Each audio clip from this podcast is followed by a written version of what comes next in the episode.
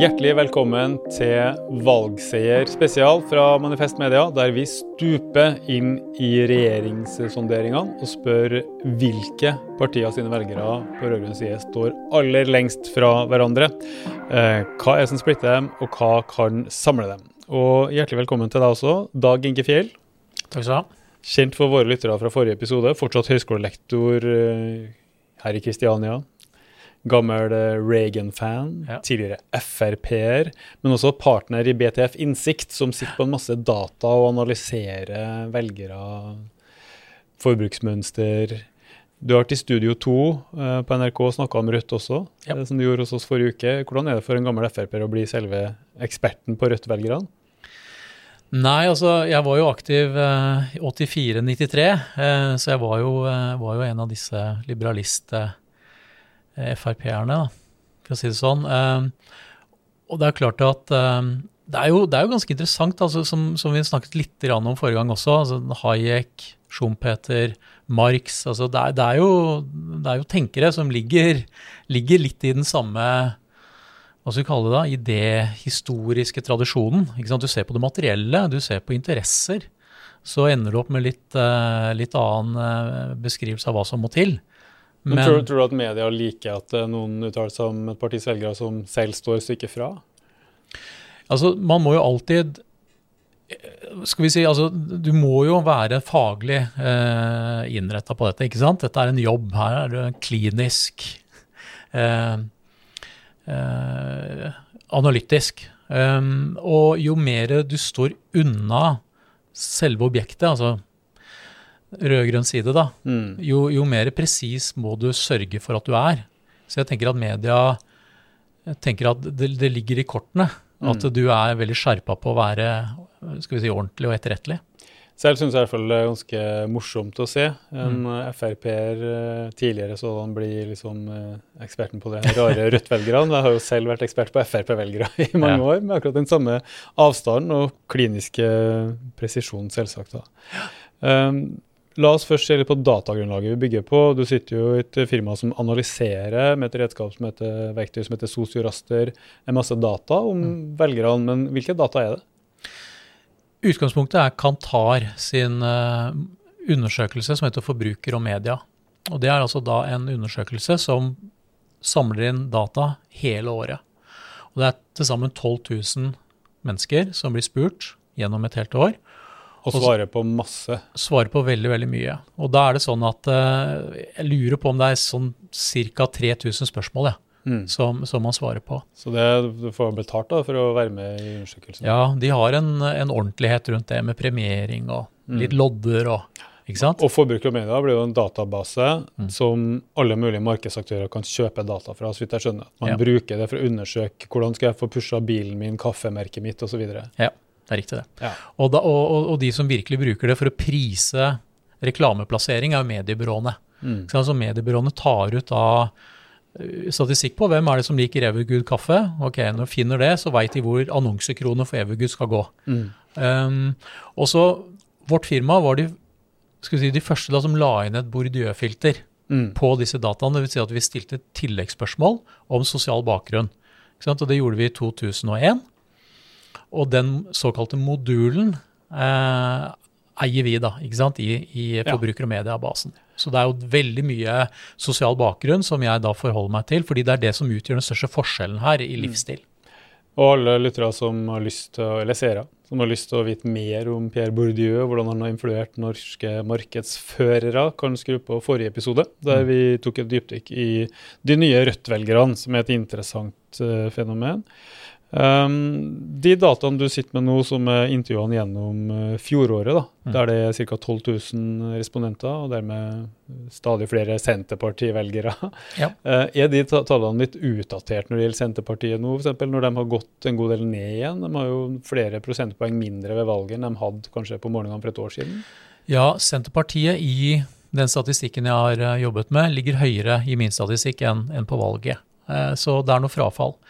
Men når vi ser på posisjonen til Senterparti-velgerne Altså hvem de er, liksom. hvem, altså De som sier at hvis det hadde vært stortingsvalg i morgen, så hadde jeg stemt Senterpartiet. Når vi ser på den posisjonen, så er det ganske tydelig der hva er andrevalget deres?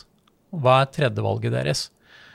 Det er veldig lite sannsynlig at en, en Senterparti-velger ville hatt MDG som andre, andre valg. Veldig lite sannsynlig. Ja. Og de, jeg tenker jo at Om Senterpartiet har 15% eller 20% så er jo den typen velger vi snakker om, i all hovedsak den samme. fordi at strukturen, ja. altså klassesystemet i stemming, er mye mm. mer eh, tregt og varig enn eh, raske fluktasjoner fluktuasjoner ja. på meningsmålingene. Ja.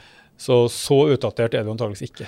Nei, Overhodet ikke. Og, og um, det blir jo sånn at en velger skal vi si, har sine preferanser og har sine meninger. Mye av det går jo arv, kanskje litt mindre nå enn en, en tidligere. Men da tenker vedkommende hvem er det som er det beste partiet til å få liksom mest smell for penga? Mm. Mest ut av det jeg allerede mener. Mm. Du står for et sett av meninger og verdier, og det gjør du uh, ut ifra den posisjonen du har, ut ifra den livsstilen som er blitt din.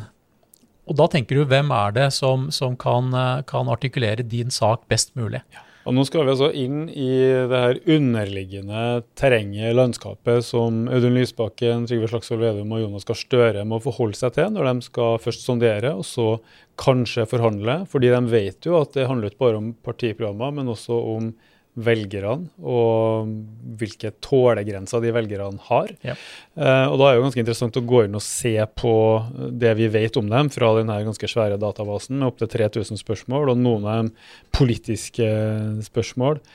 Um, jeg tenker vi kan starte med hvilke velgere du tenker, hvis du ser på hele rød-grønn side, da, fem partier. Mm. Hvor er strekken i laget størst? Hvilke velgere står lengst fra hverandre? Ja, det, er jo, det er jo MDG og Senterpartiet. Altså, og det er jo ikke noe nytt.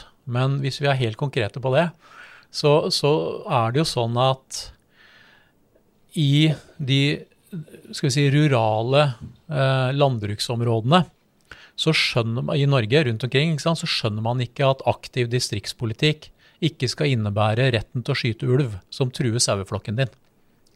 De kan ikke ta inn over seg at det skal sitte noen byråkrater på kontor i Oslo mm. og mene mye om dette. Så derfra, fra bygda, eh, primærnæring osv., og, så og opp til universitetet og storbyen og MDG, det er den største sosiale avstanden. Ja. Og saker, da? Hva er sånn, eh, strekker det rød-grønne laget mest, bortsett fra ulv? Nei, altså, det er, jo, det er jo sagt en gang i sånn uh, 1825 eller sånt, at fortell meg hva du spiser, så skal jeg fortelle deg hvem du er. Eh, og, og, i denne forbruker- og medieundersøkelsen som, eh, som, eh, som, foregår, så er det jo spørsmål om dette med mat og kosthold. Og hvis vi, hvis vi ser på hvem er det som f.eks. sier at jeg spiser helst tradisjonell norsk mat, hvem er det som sier at de er helt enig i det? Så er jo det bare Senterpartiet som er virkelig opptatt av tradisjonell norsk mat. Mm. Altså, arbeid, og MDG-erne? MDG-er er langt, langt under indeks. Det er, de er, nesten ikke sånn at de er til stede på å si at de er enig i dette. Men Hvor er de scora? MDG scorer høyest på dette med at de øh, foretrekker matvarer og veganske retter. Vegar, vegetarretter og veganske retter, der skårer de veldig veldig høyt. Og der er ikke Senterpartiet engang på banen. Så er det jo da fleksitariansk og en del andre ting som jeg ikke helt ja. har innblikk i. Men eh, Nettopp. der skårer jeg meg ganske høyt. Ikke sant. Og det, det, det går jo på det at det, tradisjonell norsk mat er jo en kode for tradisjonelle verdier. Ikke sant? Skal vi si normalitet. Vanlighet. Vanlighet. Graden av vanlighet i Senterpartiet går mot uh, uendelig. Og, og, bare for å si det, ikke sant? Altså at hvis du er MDG-er, da, Universitetet i Oslo, så er du jo vant med å kontekstualisere. Ikke sant? Du er vant med å problematisere. Du er vant til å tenke at måltidsmønster hadde jo sammenheng med hva man jobbet som. Ikke sant? Hardt arbeid, da måtte du ha store middager. Mens nå som vi bare stort sett sitter på kontor, så trenger vi jo ikke så store måltider.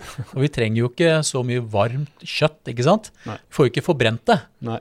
ikke sant? Så vi må rekontekstualisere hele denne måltidslogikken.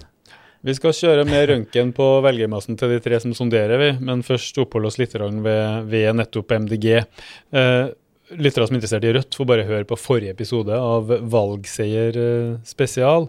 Men eh, MDG-erne må vi jo ha med oss, da. Og vi har jo snakka litt om dem allerede. Eh, jeg har jo pådratt meg litt bråk etter at jeg uttalte meg i VG. Jeg sa jo som sant det, at det er storby, og det er høyt utdanna, de kjører transportsykkel. Og jeg kjører jo selv transportsykkel og bor i storby. og jeg er jo gift med den utdanningseliten som jeg snakker om også, så det her er jo nøytrale termer. Men så sa jeg et ord til. Eh, jeg sa nemlig at eh, MDG-erne er jo de mest fanatiske velgerne. Og det har jeg faktisk fra deg, for det er du som bruker ordet fanatisk mm. om, om MDG-erne. Så det skulle alle gjort, fordi eh, mange er nå sur på at jeg kalte dem fanatisk, som om det skulle være noe fanatisk ved å si fra om at eh, Norge ikke kan fortsette å utvinne olje og gass i en verden som holder på å koke over. Uh, men, og det har de rett i, så jeg har jo beklaga det ordet. Men la oss likevel se litt nærmere på hva det handler om. fordi jeg har jo sett i dine data her mm. hvordan MDG-erne på en annen måte lever ideologien sin mm. enn andre velgere. Mm. At det er et eksistensielt alvor over den miljø- og klimasaken som gjør at du finner at de vil gjerne betale en høyere pris for uh, varer bare de er økologiske og ikke forurenser. De har mye oftere enn andre velgere ingen bil, eller uh, kanskje elbil. De vil gå ned i levestandard for miljøets skyld og utmerke seg ekstremt på den spørringa. Og det jeg sikter til med fanatisk, som jeg skal egentlig bare forklare at de forhåndsstemmer ganske mye. For de er liksom ikke i tvil. Ja. fanatisk er feil ord, men det, men det her eksistensielle dimensjonen, at de lever ut ideologien sin, uh, gir det også en slags sånn eh, renhet. da, mm. En oppofrelse. Mm. Uh, mye studenter som lever på lave budsjetter nå, kanskje ikke like lave når de blir 60 år. Um, men hvordan ser du i det MDG i det materialet her? Så er det sånn at de skiller seg ut på um, den oppofrelsen? Ja, jeg um, ser det samme. Og, og, jeg har jo backet deg med uh, tidligere rundt akkurat de poengene. For det, for det er uh, det, det, er det du ser, altså at det er det, det er, er jeg, jeg, tror vi snakker om en sånn kritisk masse av andre mennesker som, som tenker som dem, og som gjør, gir det i sosial premiering. Som gjør at, at, det å være i Oslo, Bergen og Trondheim, da er det veldig lett å være MDG-er. Du blir veldig sjelden konfrontert med ja, men hva med? Og du har kanskje heller ikke da folk som du kjenner, som har arbeidsplasser knytta til oljesektoren i, i, i, sin helhet. Og folk fnyser ikke av deg fordi du kjører transportsykkel i regnet når du kunne ha tatt uh, dieselbilen din. Nei. For det kunne ha skjedd på bygda, ser jeg for meg, med ja. mine fordommer. Og så er det jo noen MDG-ere fra bygda som har påpekt det at uh, de kjører sin dieselbil med god samvittighet de betaler de skatter og avgifter som da er høye, men de kommer til å kjøre den til den dør. Og på mm. det tidspunktet så skal de kjøpe en ny elbil. Mm. ikke sant?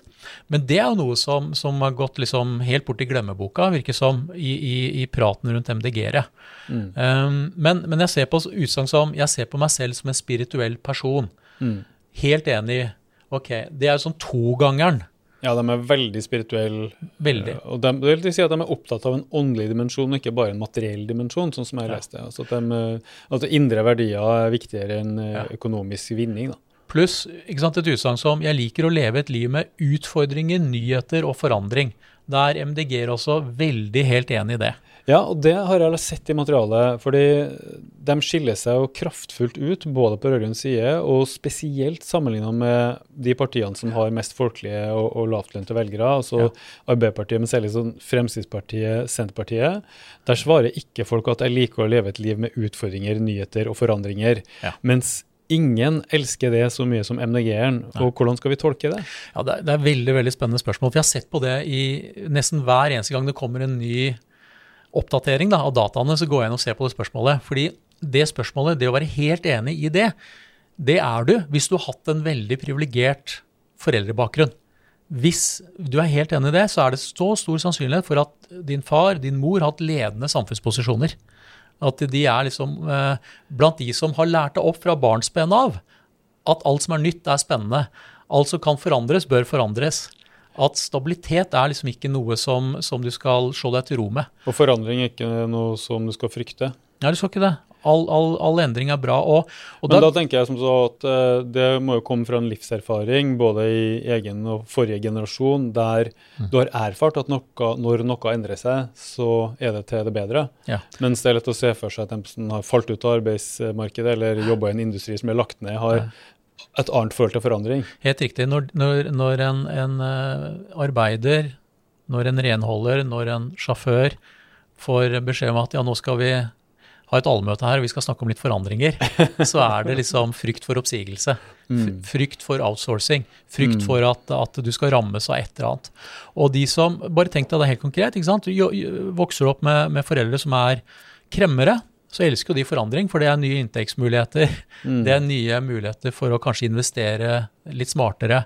Eh, hvis du har vokst opp med, med, foreldre som er akademikere, så er det alltid spennende med ny forskning, ny viten. ikke sant? Mm. Kontekstualisere det du tidligere har ment, osv. Men igjen, du har, du har, lært deg gjennom livet, da, de formative årene, hvordan du skal manøvrere i et endret landskap. Og det gjør ikke Rødt-velgerne, det gjør ikke Fremskrittsparti-velgerne, det gjør ikke Senterparti-velgerne så veldig tydelig. Jeg kan kanskje skille det her også litt rett og slett i vinnere og tapere. altså Misfornøyde millennials da, hos Moxnes, ikke sant, som ja. har kjørt kanskje hodet i boligprisutviklinga, mens en annen erfaring da, i, i, flere generasjoner av at forandring fryder. Ja. Så et avslørende spørsmål sånn sett. Det er et annet et også som jeg har uh, hengt meg opp i, og det er noe som er veldig lite MDG. Det er å gjøre sine plikter er viktigere enn å leve for sin egen fornøyelse. Ja. For at det her mener jo på rød-grønn side, da, så er det jo Arbeiderpartiet og Senterpartiet som har litt, litt overvekt på det. De er litt tilbøy, ekstra tilbøyelige til å si at du skal gjøre din plikt. Mens det er ingen som er så lite interessert i å gjøre sin plikt framfor å leve for egen fornøyelse, som MDG-erne. Ja. Og det, jeg, jeg, tror at det handler om ordet fornøyelse. For jeg tror at samtidig som, som MDG-ere er veldig sånn opptatt av at vi må gjøre de riktige valgene, selv om de er tøffe, selv om de innebærer sånn og sånn, så vil de ha det koselig. De vil altså ha det fornøyelig. De, kunne, de, de, de må kunne gå ut og treffe andre og, og, få en sosial premiering. Altså, jeg tror det er ordet fornøyelse som, som, de skal vi si, vekter veldig høyt. Men er det ikke noe med altså, plikter, da, å gjøre sin plikt viktigere? Ja. Det er jo noe autoritært på den måten at det, mm. det vektlegger jo forpliktelsen overfor systemet. Eller, eller sånn som her, da, de som er høyest på det, er jo Senterparti-velgere. Ja, skal og, gjøre sin plikt. Det på gården, da. Gå, U, ut i fjøset. Ut i fjøset, uansett vær og vind. Ja, det må det. Du må det. For jeg tenker at uh, en faktor her da, er avstanden til nødvendighet. Mm. Betydning av økonomisk nødvendighet. Ja. Og det er jo ikke bare altså, Da tenker man lett på nød, men økonomisk nødvendighet er jo også det at praktisk nødvendighet. Du må ut i fjøset. Ja. Og hvis du ikke gjør din plikt som bonde, så overlater jo dårligere til neste generasjon. ikke sant? Sånn at det ligger jo i yrkets natur at pliktkjensla må være veldig høy. Den protestantiske uh, yrkesetikk, ja. er det ikke det det kalles? Men det er ganske spennende at MDG-erne er så lave på det, for de er jo så De er jo glad i forsakelse ja. for kloden. Ja. Men tydeligvis ikke liksom har tenkt å nødvendigvis å yte sin plikt overfor systemet. Ja. Og da tenker jeg Hvis du er sånn selvstendig næringsdrivende grafisk designer, da, som jeg mistenker mange herfra å være, eller arkitekt eller annet, så er det noe med, mm. noe med at, det, å, at, du skal gjøre din plikt. Eh, mm. høres, det er, det er, noe nesten underdanig ved det. Ja, og du, jeg kom på nå, altså Her kan vi koble inn Richard Florida. Ja, og, og, og, en sånn amerikaner som skriver om den kreative klasse. Den kreative klassen. For hans, han sier at i sin forskning så oppdager han at ganske dårlig betalte frisører eh, mente at eh, de fikk utløp for sin kreativitet. Mm. Ikke sant? Sammenligna da med industriarbeidere. Mm som følte at de måtte bare trykke på den knappen og sånn og sånn. ikke sant? Rutinearbeid. Det, og de hadde jo bedre betalt. og ikke sant? Egentlig så bør du anbefale barna dine, hvis de skal jobbe noe praktisk, å gå i industrien mm. framfor å bli frisører. Service, ja. mm. ikke sant? Mm. Men det er den der følelsen at oi, eh, kanskje du skal ha litt mer sånn og sånn i håret. Ja, kreative altså, kreativt, ikke sant? Litt individuelt, ja. Nei, men nå skal vi egentlig forlate MDG-ene, men de er altså eh, veldig høyt utdanna, det har vi vært inne på. Ja. Utdanningselitepartiet konsentrert i de store byene. Ja. Og de er yngre. Det er de er veldig yngre. mye studenter. Absolutt. Og så vil jeg si det at eh, når jeg har sett litt på de som ved forrige valg sa de stemte Høyre, Men ved, hvis det var valg i morgen nå ville stemt på MDG, Mm. så er det noen, det er noen mennesker der også. Ja, Men da har du jo venstre imellom, da. Ikke sant? Du har venstre imellom, absolutt, absolutt. Men de er så få. Ja, og hvis du forsto det skulle bli regjeringsskifte, Ja. så var det ikke noe vits å stemme på Venstre. Nei. Nei, men uh, vi skal over til SV, Arbeiderpartiet og Senterpartiet. Mm. Og vi skal prøve å være litt raske nå på å bare plotte inn noen av de um, sosiologiske karakteristika. Da. Ta SV først. Det mest fremtredende ved SV, hva er det? Det må være sektor. Det er sektor, ja. Offentlig sektor, skole, undervisning. Ja, for vi snakker 70-75% offentlig sektor, Mm. 70-75 kvinnfolk. Ja. Mens uh, Frp er jo mannspartiet. Ja. Uh, utdanningsnivået i SV, da, typisk, hva er det? Ja, det er høyere utdanning. Det er altså i hvert fall sånn bachelor, fireårig fire år i høyskole, og så er det en god del universitetsgrader også oppå der igjen. Men lavere enn MDG. Ja. Litt lavere enn MDG. Ja. Uh, aldersmessig, hvor står det? Aldersmessig så er jo det er jo sånn 30-årene eh, som, som veldig mange av Altså MDG har forsynt seg grovt av 20 til 29. Ja. Og så har det da presset de andre litt oppover, men fremdeles så står både SV og MDG og Rødt også veldig sterkt i, i 20 til 35, 20 til 39 egentlig, hele, hele de. ja. Rødt er jo helt ekstrem, 30-39, Ja. Og så er SV også veldig god, så vidt jeg husker, på 20-tallet. Liksom. Eh, økonomisk, da. Eh, hvor ligger SV, typisk SV-velgeren? Det er altså Inntektsmessig eh, så, så, ligger, så ligger det rundt, eh, rundt snittet, vel, eh, etter det jeg husker. Altså det, er, det, er, det er ikke sånn enestående verken fattige eller, eller veldig mye inntekter. Det ligger sånn midt på. Sånn god så skole, skolelønning. Mm. Og der er jo også ofte studentene inne i bildet og tuller til inntektsstatistikken litt. Grann. Ja. En ting jeg husker fra tallene, er at eh, på formue da, så Mm. er det jo bare Rødt som er under eh, medianen i Norge. Eh, Høyre eksempel har jo dobbelt så høy snittformue blant velgerne som medianen i Norge. Ja. Mens, og de andre partiene også ligger liksom litt over medianen hvis du er på rød-grønn side, fordi det er jo ikke alle som stemmer. Nei. de fattigste stemmer jo ikke. Nei, nei. Mens uh, Rødt utmerker seg på å ha lav formue. Uh, SV er mer sånn middels. Og geografisk, hvor er SV hen? SV er i byene, og der ligner det jo veldig på, på MDG. Man, man kan jo nesten liksom si at eh, MDG er den rebelske unge, og så er SV da liksom den litt mer modne Mm. utgaven av MDG. Men SV er ikke like ekstremt Oslo-sentrert som MDG. For Nei, MDG utmerker seg vel liksom kongen på haugen når det gjelder urban, utdanna Absolutt, jeg ser, jeg ser på de oversiktene her. og Det er klart at det ligger jo, altså, det er jo flest velgere da i de mellomsentrale og nest mest sentrale kommunene i Norge. Mm. Det er jo det. Og her, eh, men, men der er det sånn også at, eh, at eh, det er jo her disse SV, MDG og Rødt også, det er jo her de har det store volumet av mennesker.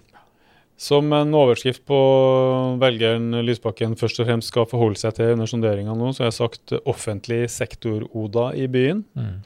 Um, mens Arbeiderpartiet, der har jeg skrevet herr og fru Værmannsen. Ja, det er det. Fordi hva er det egentlig å si om hva som kjennetegner Arbeiderparti-velgerne? Altså, det, det er jo nesten sånn, ikke sant, det er Toyota. Eh, og det er, altså det, er, det er noe som egentlig alle kan forholde seg til. Litt, ikke så kjedelig, nei, unnskyld, ikke så spennende, men det, det bare ruller og går. Ja, fordi når du ser på statistikken, så er det nesten umulig å få plassert ABP-velgerne, for de er Ja. absolutt overalt. De er overalt. Offentlig, privat sektor, kvinner, menn, eldre, Ja. yngre. Utdanning helt jevnt. Ja. Eh, litt mer eh, penger enn snittet i Norge, men ikke så mye mer enn snittet av velgerne. Herr og fru Wermansen Ja. Og det er jo Arbeiderpartiets sin store styrke. Et catch-all-parti som kan mobilisere overalt, og såkalt statsbærende parti og sånn, men selvsagt også Arbeiderpartiet sin store svakhet når eh, det begynner å blæse i en eller annen retning. Ja. Eh, og gjerne det får polarisering, da, så du har eh, miljøvelgerne springer én vei og oljearbeiderne en annen. Da lekker jo Arbeiderpartiet i begge ender. og, det, og vet ikke hvilken vei de skal gå. Men i 2013, da, som var det året koali- altså Arbeiderpartiet, SV og, og Senterpartiet mista makten, så hadde jo Arbeiderpartiet 874 000 velgere. Mens de, det var de to andre som blødde. Mm. Så det er, med, det er noe rart det med at når det da kommer etter åtte år, så er det spesialistpartiene Mm. som lider, mens generalisten vokser. Ja, det er det småpartiene taper i koalisjonen, og det er jo noe som bekymrer selvsagt Audun Lysbakken og offentlig sektor Oda nå også, ikke sant? At eh, de havner i skyggen. Ja. Og det jeg tror fort skjer, er jo at eh, hvis SV sitter i regjering, så får dem skylda hver gang regjeringa ligger lenger til høyre enn de skulle ønska, og ikke gjennomfører SVs eh, politikk. Mm. Eh, og så får Jonas Gahr Støre æren hver gang de gjennomfører SVs politikk. Mm. Eh, og så ble jeg litt kaldt i skyggen, da. Men så kommer vi til det interessante partiet for oss på venstresida, og det er jo Senterpartiet. Da er det en mye større mm, avstand. Da er vi jo ikke lenger i storbyen, det vet alle. Da er vi i de minst sentrale kommunene, og dem som er litt mer sentrale enn det. Vi er ofte på bygda. Eh, men hva mer er det som kjennetegner dem? Hva slags f.eks. for eksempel utdanningsnivå? Det er jo mye mer praktisk retta utdanningsretninger de har valgt. Mye fagutdanning eh, som høyeste eh, som Det betyr håndverkere, industri, landbruk, eh, selvsagt. Mye håndverkere. Mye håndverkere. Mye praktisk Altså, du jobber med kroppen. Du Mm. bruker kroppen. Du sitter ikke på et skrivebord Mm. og holder på, eller hjemmekontor. Så du, du, er, du er der. Og det er klart at her ligner jo da Senterpartiet ganske mye på liksom, som, det, det som bare var Arbeiderpartiet Mm. eh, i, i, i gamle dager. Og etter hvert også da er blitt Fremskrittspartiet. Altså det, det mer håndverker, eh, industri, teknikk. Menn hører vi jo til en del av her, da. Ja. Um, de har vel kanskje noen skolefolk også, eller hvordan er det med Ikke så mye, mye. Nei. Ikke så mye skolefolk. Foreldrene til Slagsvold Vedum er skolefolk, men dem mistenker jeg for å være SV-ere. Så jeg lurer litt på greiene han har holdt på med nå, når han har vært så høyrevridd og tøff mot uh, SV og MDG og sånn. Ja. Jeg tror at han har gjort det for å please høyrefløya i eget parti. Og jeg tror at når han nå har fått gjennom at de skal sondere og sånn, så er det hans vilje som kommer til uttrykk. Eh, Men han har eh, på en måte sørga for å Ingen kan anklage han for å være soft på MDG, i hvert fall. Nei. Altså de, er, de er akkurat på indeks når det gjelder sånn helse og sosial. Ja. Eh, Ja.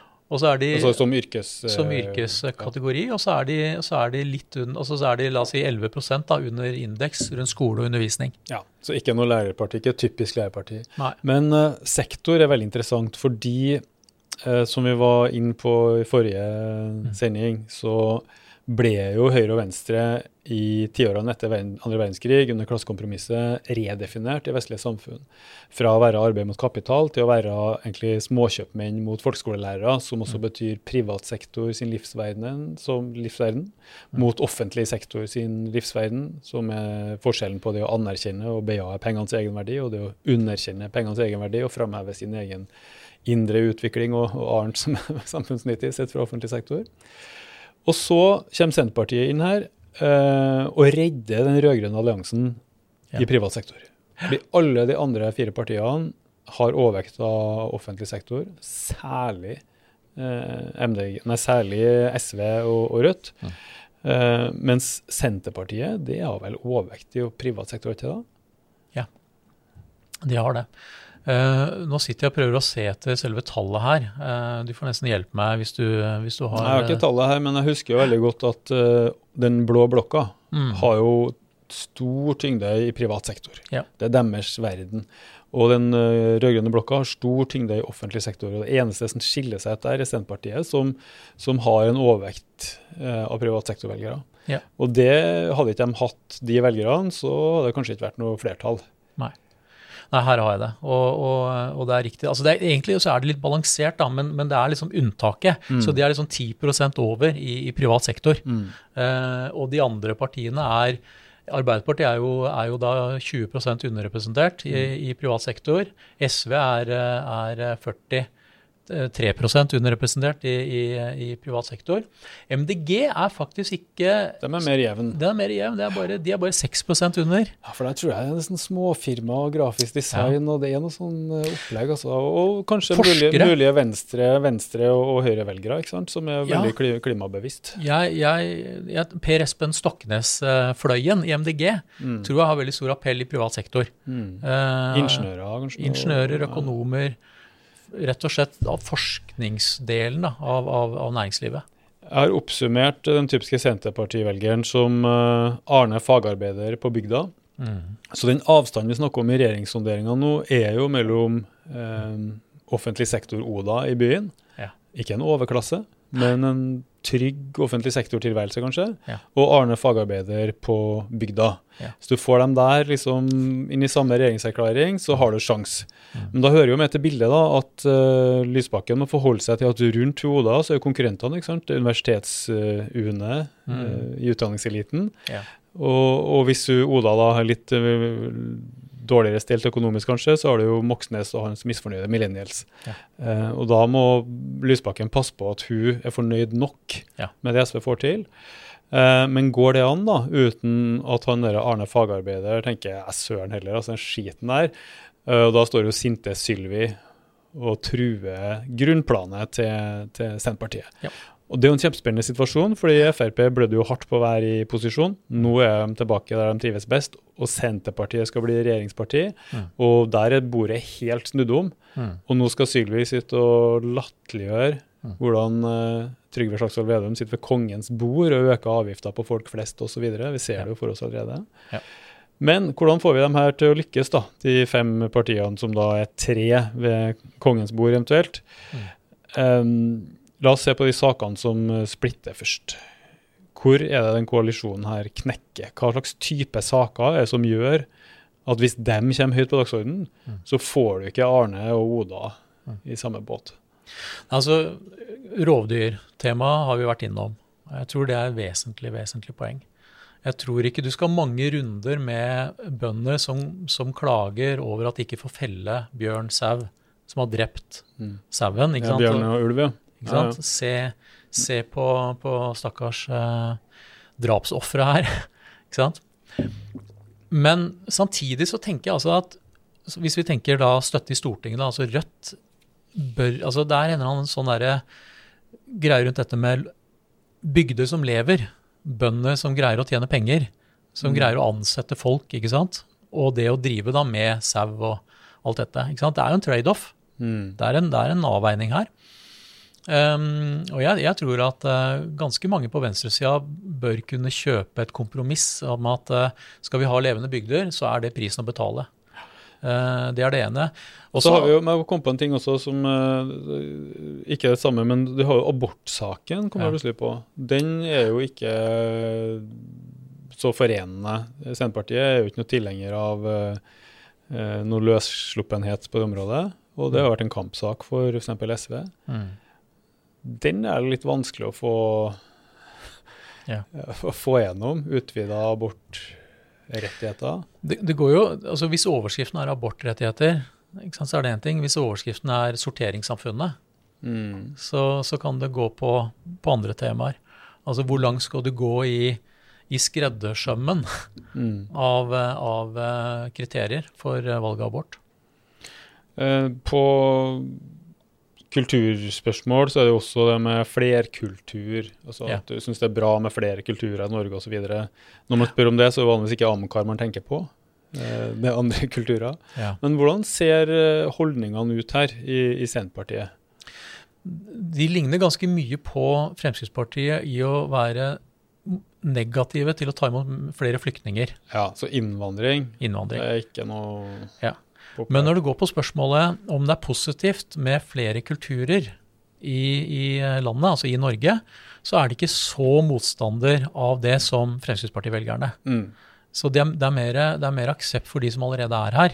Mm. Altså jeg, jeg tolker den forskjellen på at vi må holde igjen på volumet som kommer, men de som er her, må vi liksom ta, ta vare på og integrere på best mulig Ja. måte, med, med skal vi kalle det en, en positivitet. da. Ja, mindre islamkritiske holdninger til Hege Storhaug og sånn. By default, ikke sant? Men, eh, men eh, så når vi snakker om flere kulturer i Norge, da, da den tenker ikke på svensk topp.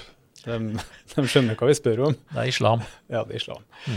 Um, ok, så det er litt forskjell på det her, men likevel veldig stor avstand til de urbane venstresidevelgerne, som er mye Ja. mer positive til å ta inn eh, flyktninger, mye mer positive uh, til å la ulven leve. Mm. Um, og så har vi jo på klimafeltet, da. Ja.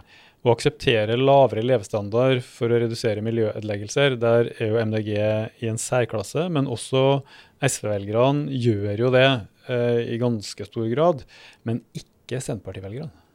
Har jeg sett. De, vil, de har ikke tenkt å gå ned i levestandard, i hvert fall. Nei. Og det er, vel, det er vel sånn at man, når man svarer på de spørsmålene, så tenker man også vil dette ramme meg? Og så er det mitt yrke som vil uh, bære prisen her. Mm. Og det har jo vært veldig mye rundt eh, kua som promper og Mm. landbruket som må endres dramatisk. Ikke sant? Så når, når man er, og, og ikke minst også da kjøre bil i distriktene. Ikke sant? Det er Dieselavgifter og alt sammen. Altså, er, det, er det meg som veldig lett kan, kan eh, se for seg å, å måtte betale for dette, eller, eller går, jeg, går jeg klar her? Mm. Og i det spørsmålet rundt det, så, så ser vi også det at det jobber du i offentlig sektor, i, oppe altså i kultureliten, så er du veldig positiv til å, til å liksom gå ned i levestandard. Mm. Men jeg har en motsatt tolkning av det her som slår mye heldigere ut for uh, uh, offentlig sektor-folket. Og det er jo at materiell levestandard Mm. er jo mye viktigere konkurransekriterium hos dere privat sektor-typene. Mm. Så for meg, da, hvis jeg er professor da, på universitetet eller noe sånt, og egentlig lever av min kunnskap og min anseelse i forskningsfeltet eller som journalist og sånn, da, og den kulturelle kapitalen gir en viktig andel av min sosiale status, og dermed min plassering på kjønnsmarkedet mye videre med videre, så er det klart at det å gå ned litt i inntekt og redusere noen materielle goder vil ikke ramme min sosiale posisjon. Mens hvis jeg er sånn meglersmekk borti privat sektor der, og faktisk bare leve av uh, altså vise fram mitt prangende forbruk og sånn, så er jo det en helt annen sosial skjebne i det å plutselig må gå ned. Så det er veldig det også, at vi venstresida kommer fra yrker der pengene ikke betyr alt. Komposisjon. Sammensetning av kapitalen. Ja, men også sånn helt komposisjon av estetikken. Mm. Ikke sant? Altså Kultureliten de skal ikke ha alt nytt eh, i, i, i huset av interiør. Mm. Det skal være en blanding. Mm. Men du må kunne historien, og du må ha regi på hva som er satt sammen. Mm. Og det, og det er jo noe du har si, fått med deg som en del av den viktige kompetansen. Men at det er ikke alt som glimrer som er gull. Mm. Um, og mens, mens veldig mange i økonomieliten, da, sånn, hvis vi kaller det liksom meglerstanden, Mm. er veldig nyrike. Mm. Og de, de, de kommer fra helt vanlige kår ofte. Skoleflinke, kommer inn på Handelshøyskolen i Bergen, er veldig god i matte og statistikk. Blir sugd inn i revisjonsfirmaer, og så voff, Mm. så har de Teslaer og flotte hus, og, men de mangler smak. Mm. Ikke sant? Så de, de, de skal vi si, i erkjennelse av det, så kjøper de bare det som er nytt. Ja, de har, Det som er mest kostbart. De blir bedre råd enn de har smakt det. Ja. Eh, Men eh, Senterpartiet er jo et annet sted, så det er i hvert fall interessant å, å merke seg hvis, at de lite da, innstilt på å gå ned i levestandard for å redusere miljøødeleggelser. Eh, hvis vi skal se på ting som samler, da, det er jo der eh, eh, de rød-grønne strategene og partilederne nå må sette inn støtet og få framdrift, handlekraft, felles eh, kraftsamling på ting som er viktig for velgerne, der de klarer å stå sammen og klarer å forandre Norge. Og så håpe at de samme velgerne glemmer at det ikke har skjedd noe på andre felt, der det er deadlock. da. Og eh, et eksempel i hvert fall er jo det med progressiv beskatning. Ja. Høyere skatt på høyere inntekter, altså omfordelende profil. Mm. der er det vel enighet på rød-grønn side. Det er det. Og jeg har sett på det, og så har jeg sett på hvem er det som sier at de er helt enig i det utsagnet om å akseptere et høyt skattenivå for å beholde fellesgodene i samfunnet. Ja, Det er jo noe litt annet. da. Ja. Det ene er progressiv beskatning, det andre er høy skatt for velferd. Riktig, men la oss se på, la oss se på det først, for det kommer eh, veldig, Mm. veldig, veldig høyt eh, ut, det også. Det er på 54 da, hvis vi bare ser på Mm. prosenten av rød-grønn allianse. Mm. Og i befolkningen så er den 39 ikke Mm. Så her er det store Skattevilje. skattevilje. Mm. Eh, og, og 22 på såkalt borgerlig side, å være helt enig i det. Men gå til- dette med progressiv beskatning, der er det på 61% Ja, og der har jeg merka meg at, Ja. eh, at Senterpartiet utmerker seg litt der, for der er de veldig rød-grønne. og så Mm. Da er de over snittet i folket og vil ha omfordeling. Ja. Eh, og det kan du tenke deg Arne fagarbeider på bygda, da, eller gravemaskinføreren, kanskje gravemaskinimportøren, men nå begynner å holde hardt. Ja. Eh, at de anser seg å ikke være på vinnerlaget økonomisk. De Mm. bor i områder som ikke er på vinnerlaget økonomisk. De ser enorme boligformuer og andre formuer vokse opp i sentrale strøk. Tilhengere av utjevning. Eh, Mens de er litt mindre på høyre med at de vil ha et høyt skattenivå for felles velferd. Der ser du jo offentlig sektor, altså de som lever på statsbudsjettets utgiftsside, Mm. er jo veldig for et høyt skattenivå for felles velferd. Ja. Men senterpartistene er mer sånn på snittet. Men de er Ja. ikke imot. Nei. Og du, du vet, de driver jo veldig ofte med tilleggsnæring. Mm. Så det betyr at de har de støtteordningene som er knytta til landbruket, Mm. og så er det tilleggsnæringer. Mm. Og når de, er, når de da tar på den hatten, så blir det jo entreprenører. De ja, blir, eh, men så er jo kona lærer, da. ja, så Og det er, jeg, jeg tror det finnes en form for økonomisk tak på hvor mye det er realistisk å tjene på alt sammen, i sum. mm. Og jeg tenker at den skatten da, som skal være progressiv, bør slå inn litt over der. litt over der. Da har du da, Ja, altså aksept. så her er det altså en sånn velferd og omfordeling, Ja. og der tenker jeg det er nesten ingen ende på, liksom, ja. på, på hva koalisjonen eh, kan stå sammen om, for det er veldig få bruddflater. Og det samme gjelder faktisk nei til privatisering. Ja, og så det- privatisere statsselskaper og sånn, det er Ja. senterpartistene uinteressert i. Ja, og, og, og der er din, den blokka er på 60 i å være helt uenig i at statseide bedrifter bør så langt som mulig privatiseres. Men befolkningen er uenig i det på 41 Mm. så, så det er, og igjen da, det er bare 17 Høyre, Fremskrittspartiet, KrF, Venstre. Nå må legge til at nå snakker vi om dem som sier at de er helt uh, uenige ikke sant, i privatisering. Og hvis vi legger til dem som er delvis, så vil jo antageligvis er et flertall i folket, tipper jeg, som eh, ikke er så glad i privatisering. Ja. Men vi ser at den rød-grønne blokka ligger da til venstre for, for folket. I økonomisk politikk så er det tydelig at der er det mye som forener. Ja, så det, Og det her har jo vært viktig helt siden uh, Frp-koden kom ut, som da jeg prøvde å analysere Frp sitt gjennomslag i arbeiderklassen. da, At vi må skille mellom splittende kulturspørsmål og samlende økonomiske spørsmål. Kulturspørsmål som handler om hvordan du ser på fremmede kulturer, verdi, religionsspørsmål og sånn, som har det ved seg at de ikke forener arbeiderklasse, middelklassevelgerne. De er all over the place ideologisk. da. Ja. Mens interessespørsmålene som vi snakker om nå, at det skal være omfordeling og at du skal ha rett på felles velferd og sånn, der får du en sånn rød-grønn flertallskoalisjon på ordentlig sånn marxistisk klassegrunnlag, at det er økonomiske fellesinteresser. Og man kan se forbi eh, noen andre ting, da. F.eks. den nøyaktige utforminga av abortgrensa uh, er ikke samlende, den er splittende. Og da har jo Fremskrittspartiet og alle tilsvarende partier hatt som liksom glansnummer å komme inn i den kløfta, da. Den Ja. splittelsen i kulturspørsmålene, og så herje der. Ja. Og håpe at ingen merker eh, klassepolitikken deres, eller for ingen arbeidere. da. Så det der er jo interessant å si at Senterpartivelgerne faktisk er på lag med. Og så er jo landbrukspolitikken, da. Ja. De har ikke noe særlig motstand blant andre rød-grønne velgere på det her med å styrke landbruket, distriktene. Det er riktig det. Jeg ser utsagnet at de offentlige støtteordningene til jordbruket bør reduseres. Og da er det sånn at de som er helt uenig i det, rød-grønn blokk, er 44 er helt uenig. Mm. Og så er, eh, er 20 av borgerlig blokk helt uenig i det utsagnet.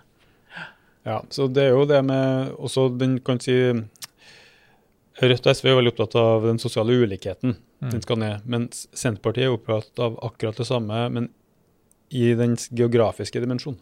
Ja. At ulikheten sånn som den arter seg over liksom, avstand gjennom, gjennom landet, må ned. Mm. Så her er det et eller annet sånn prosjekt, Ja. eh, tenker jeg da. Ja, ikke sant? Da, men, men da kommer du over til Arbeiderpartiet da, som sånn reformparti også. Mm. Ikke sant? Dette med, det blir spennende nå med Viken eh, fylke, Fi- Finnmark, Troms osv. Mulig at de bare må gi det og akseptere det. Men, men du har jo denne utviklingen da, altså at folk av egen fri vilje flytter til litt mer sentrale områder av, et, av en utkant. ikke sant? Mm. Altså Det blir sentralisering rundt Tromsø, rundt Bodø, rundt Narvik, altså de byene. Men, men det er nok realistisk sett av det som er bærekraftig. Mm. Hvis du tenker på alle andre støtteordninger, offentlig sektor-jobber, som må komme med der folk bor, at det er et større grad av rural sentralisering. Mm. Så der også er det interessant uh, i sånne trade-off-forhandlinger. hvor går smerte, smertegrensene? Ja, jeg tenker en trade-off som eh, SV vil være veldig interessert i, er jo hvor langt den kan komme mot de såkalte velferdsprofitørene. For det at det går så mange milliarder ut av felleskassa, det er jo ikke noe Fremskrittspartiet burde like. Det liker dem av en eller annen grunn. Men eh, Rødt og SV har jo svingt seg voldsomt opp og sier at pengene skal gå til formålet.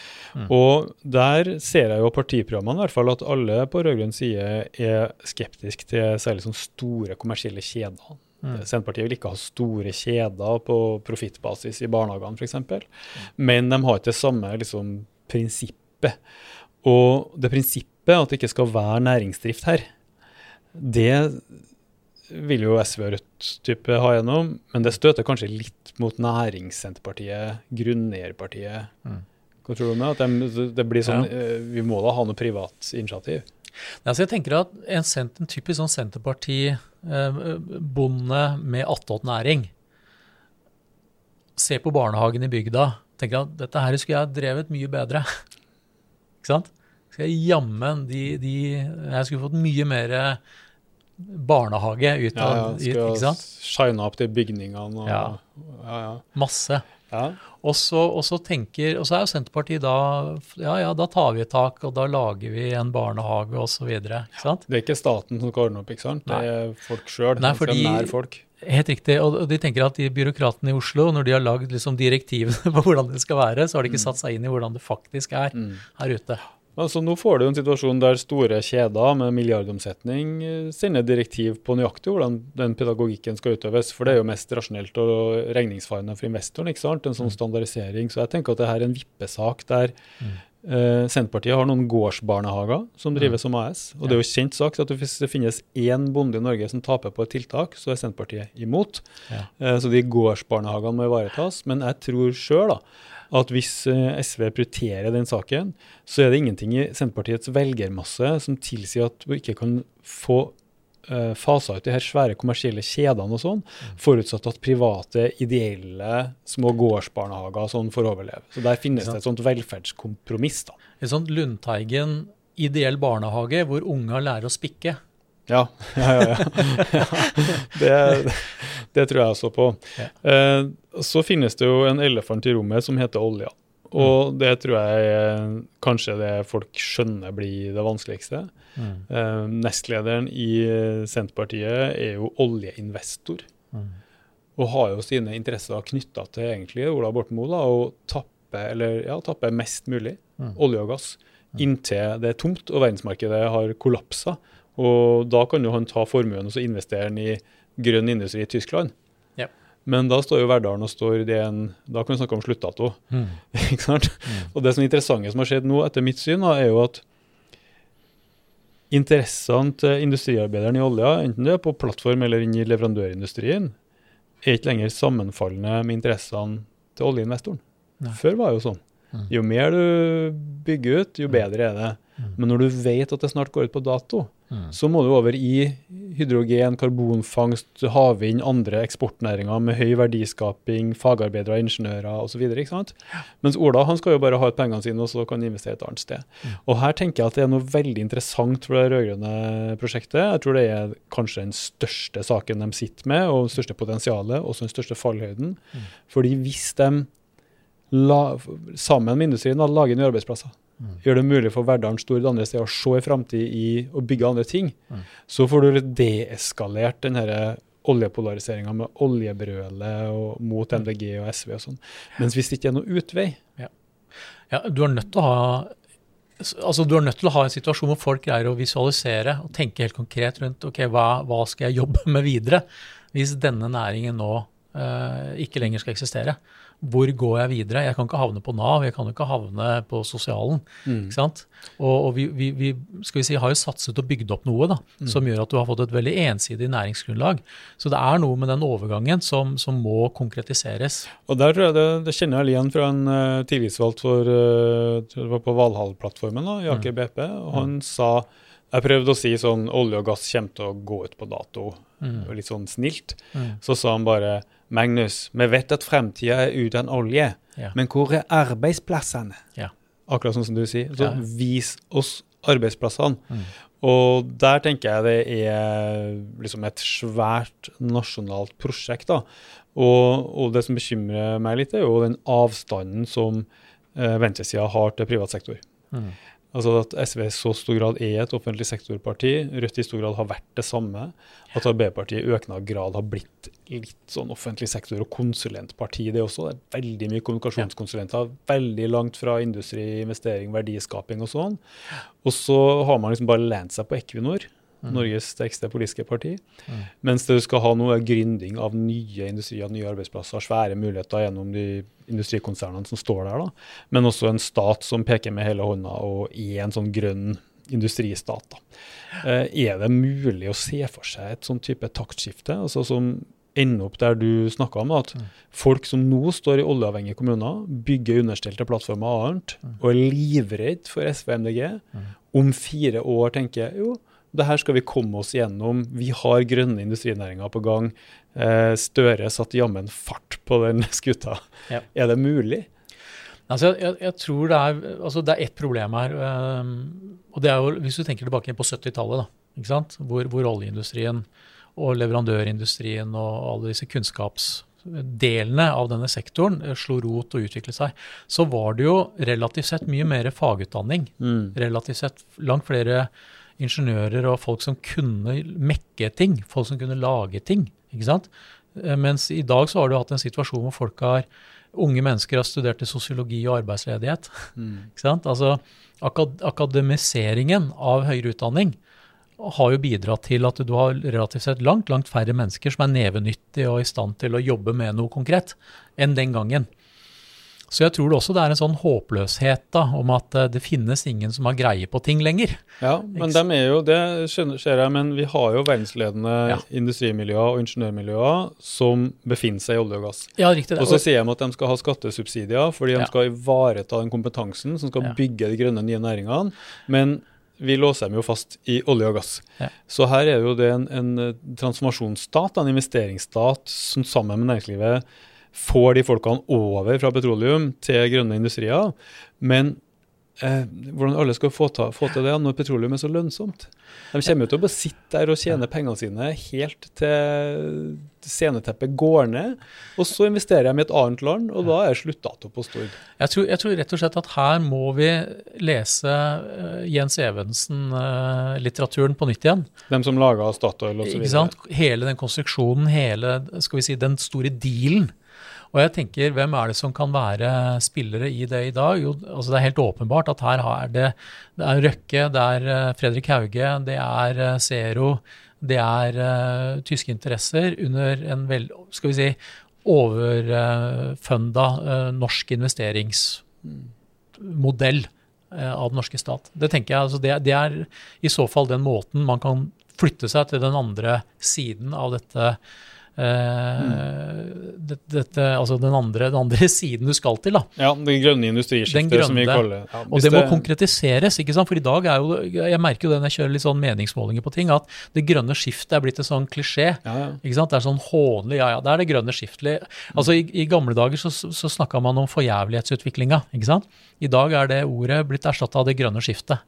Mm. ikke sant? For veldig mange som ø, opplever at det er bare skatter og avgifter, og, og det, er noe, det, er ikke noe, nytt spennende for dem hvis de, mm. hvis de er fagutdanna fagarbeidere. Mm. Men vi har i hvert fall sett da, en vilje hos ja. Senterpartiet til å lære seg industri. Den oppsto de var høyt ja. på målingene. Og Arbeiderpartiet har en vilje til å ikke være bare markedsliberalistisk og EU-lojal, men faktisk ja. tenke litt industribygging. Og, og, og, miljøpartiene har skjønt at industrien må med. For her, her, er det interessant å se på de rå... Altså, tallene. ikke sant? Fordi det er jo riktig det at Senterpartiet har bidratt med 100 000 flere velgere siden, siden 2017. Men Rødt har bidratt med 70 000 flere velgere siden 2017. Og det er ganske mye. Mm. Og det er, med, det er, noe med, den proletære historien som tross alt er i Rødt, da, til å tenke at ja, vi, vi skal over i, i, det grønne, men vi skal ikke ofre fagarbeideren, vi skal ikke ofre industriarbeideren. Vi skal ikke mm. ofre de menneskene. De skal ikke bli liksom kanonføde i det grønne skiftet. Jeg tror, jeg tror hjertet til, til, Rødt ligger nærmere mm. ikke sant, Kari og Ola på gulvet enn det teoretiske MDG-eren satt helt på spissen. Ja, Det jeg tenker er for strategisk, er jo at uh, nå som Rødt og SV sammen har gått fram mye mm. mer enn Senterpartiet, gikk fram 22% mer enn Senterpartiet, uh, men har sin uh, veldig tunge offentlig sektor-historie, så er det viktig at de partiene går fra å være velferdspartier og fordelingspartier til også å være produksjonspartier. At de kommer nært innpå de faktisk eksisterende industriene, og ikke ja. bare tenkte framtidsgrønne industrier.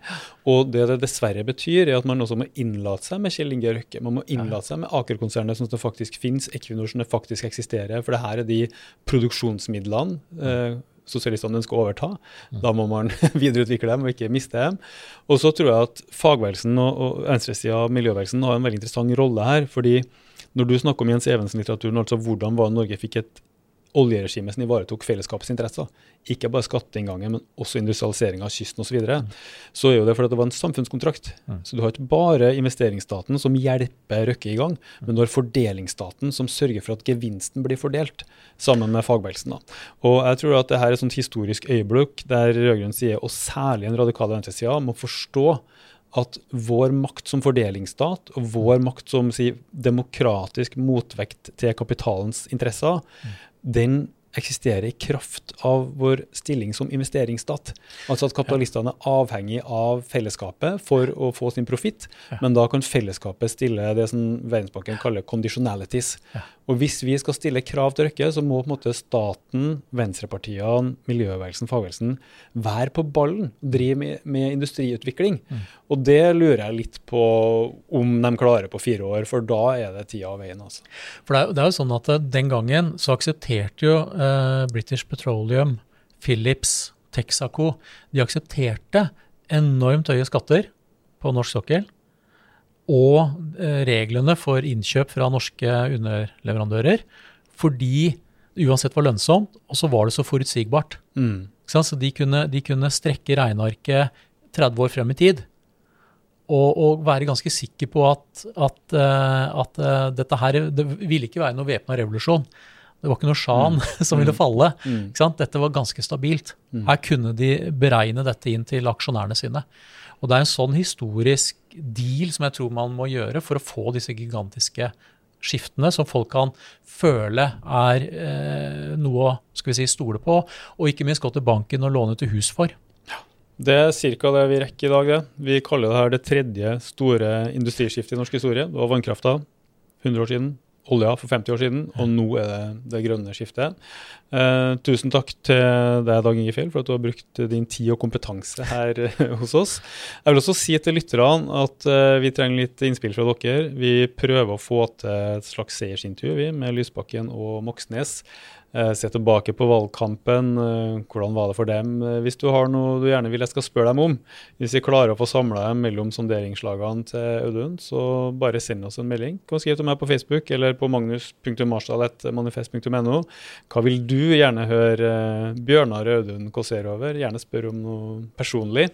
Så håper vi å få dem i studio til neste uke.